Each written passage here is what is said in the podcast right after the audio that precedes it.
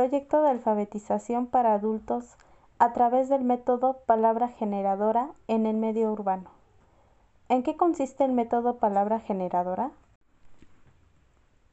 El método está basado en el manejo y análisis de las palabras, del uso común de la población y que forman parte de su vocabulario. Esas palabras se seleccionaron porque las personas conocen su significado y lo pueden relacionar con su propia experiencia. A partir de las palabras generadoras, las personas amplían sus posibilidades de comunicación. Por ejemplo, frente al grupo de personas se les presentará la palabra mesa y en forma de adivinanza o mímica se les proporcionarán características con las que puedan adivinar qué palabra es a través de sus conocimientos previos. Una vez que adivinaron de qué objeto estamos hablando, darán respuesta a los siguientes cuestionamientos.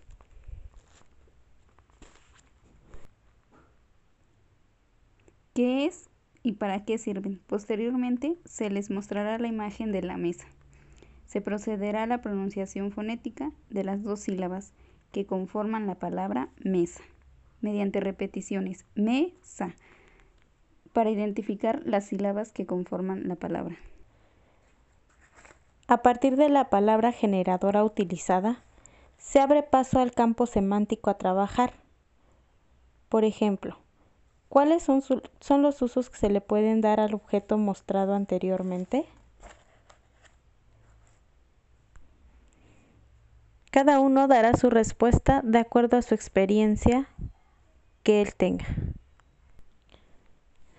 La alfabetización requiere de un espacio designado, así como de diferentes materiales como son el alfabeto móvil, el silabario, carteles, fichas de grafomotricidad que le ayudarán a la persona al desarrollo motriz.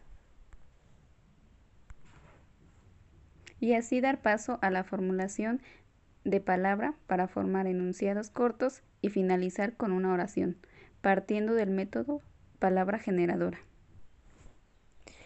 Una visión de la alfabetización que va más allá implica una comprensión crítica de la realidad social, política y económica en la que está el alfabetizado. La alfabetización es más, mucho más que leer y escribir. Es la habilidad de leer el mundo, es la habilidad de continuar aprendiendo que es la llave de la puerta del conocimiento. Paulo Freire.